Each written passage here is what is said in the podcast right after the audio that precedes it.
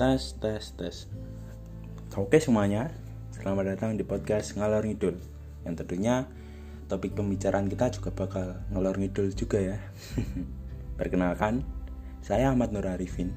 Ini merupakan podcast perdana saya. Podcast ini dibuat untuk memenuhi penugasan ujian tengah semester mata kuliah Sistem dan Institusi Pemerintahan Indonesia Departemen Politik Pemerintahan Visipol UGM. Hari ini kita akan berbicara tentang desentralisasi. Apa sih sebenarnya desentralisasi itu? Mungkin bagi teman-teman semua istilah ini sudah sering ya terdengar dan tidak asing. Tapi mungkin masih banyak yang belum tahu ya apa sih arti sebenarnya dari desentralisasi itu. Gampangnya, desentralisasi adalah pelimpahan wewenang kekuasaan dari pemerintah pusat ke pemerintah daerah. Dengan demikian, wewenang dan tanggung jawab mengenai segala urusan yang sebelumnya dipegang oleh pusat kini menjadi tanggung jawab masing-masing daerah. Dan perangkat pelaksananya adalah dari perangkat daerah itu sendiri, masing-masing daerah.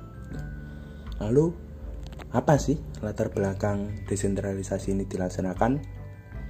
Kalau menurut Undang-Undang Nomor 5 Tahun 1974, pelimpahan wewenang kepada pemerintahan daerah dilatar belakangi semata-mata untuk mencapai suatu pemerintahan yang efisien. Nah, jadi pemerintah daerah bisa lebih cepat untuk mengeluarkan kebijakan-kebijakan yang sesuai dengan permasalahan di masing-masing daerah. Dan tentunya supaya masing-masing daerah itu berkembang lebih cepat dan lebih pesat. Jadi tidak harus menunggu perintah dari pusat. Lalu apa sih tujuan diterapkannya desentralisasi ini? Jelas ya tujuan yang pertama adalah merupakan salah satu upaya untuk memeratakan pembangunan di Indonesia supaya tidak ada lagi ketimpangan antar daerah satu dan daerah yang lain. Itu sih kayak tujuan tujuan utamanya. Lalu yang kedua adalah eh, pemerintah daerah bisa menyusun program-program yang sesuai dengan masalah-masalah yang dihadapi oleh masing-masing daerah. Nah, program-program tadi digunakan untuk memperbaikan sosial dan ekonomi. Seperti itu. Lalu bagaimana penerapannya sekarang? Nah sekarang contoh penerapannya eh, dengan adanya beberapa daerah otonomi khusus yang ada di Indonesia.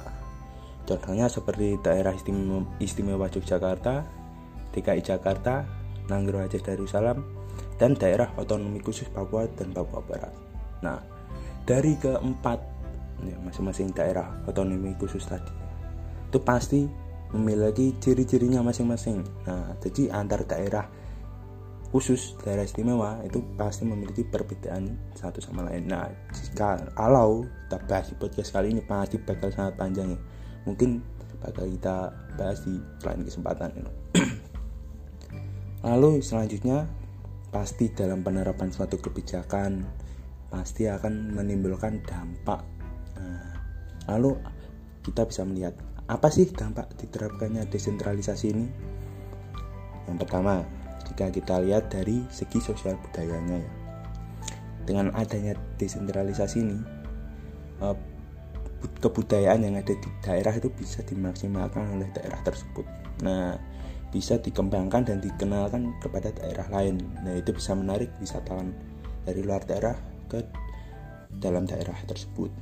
Namun, dampak negatifnya adalah ya ini yang perlu diingat ya yaitu menyebabkan masing-masing daerah itu bakal menonjolkan kebudayaan masing-masing dan menganggap kebudayaan dari daerahnya adalah yang paling bagus gitu, yang paling baik gitu. Nah, itu kan bertentangan ya dengan persatuan Indonesia. Jadi bakal mengusik dan melunturkan sifat kesatuan Indonesia.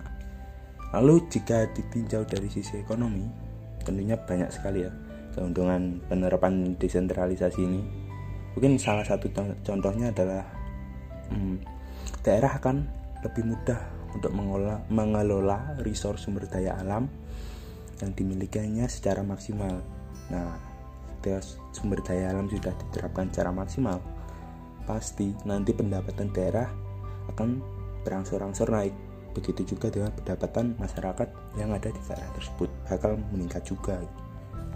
Lalu jika ditinjau dari bidang politik, dampak positifnya adalah eh, sebagian besar keputusan dan kebijakan yang berada di tingkat daerah itu lebih cepat diputuskan dan kecil kemungkinan ada campur tangan dari pemerintahan pusat.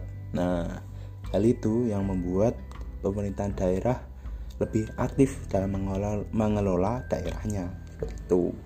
Namun tentunya yang sudah kita tahu ya ada dampak negatif jika dilihat dari sisi politiknya ya itu menyebabkan euforia yang berlebihan. Nah, di mana wewenang tersebut hanya memeningkan sekelompok individu, golongan, dan kelompok untuk mengeruk keuntungan semaksimal mungkin untuk pribadinya, untuk golongannya, untuk kelompoknya. Itu mungkin contohnya adalah dinasti politik tentunya ya. Oke, sekian podcast ngalor ngidul episode pertama. Saya sebagai pembicara mohon maaf apabila masih banyak kekurangan dalam menyampaikan materi. Terima kasih sudah menyimak sampai akhir. See you.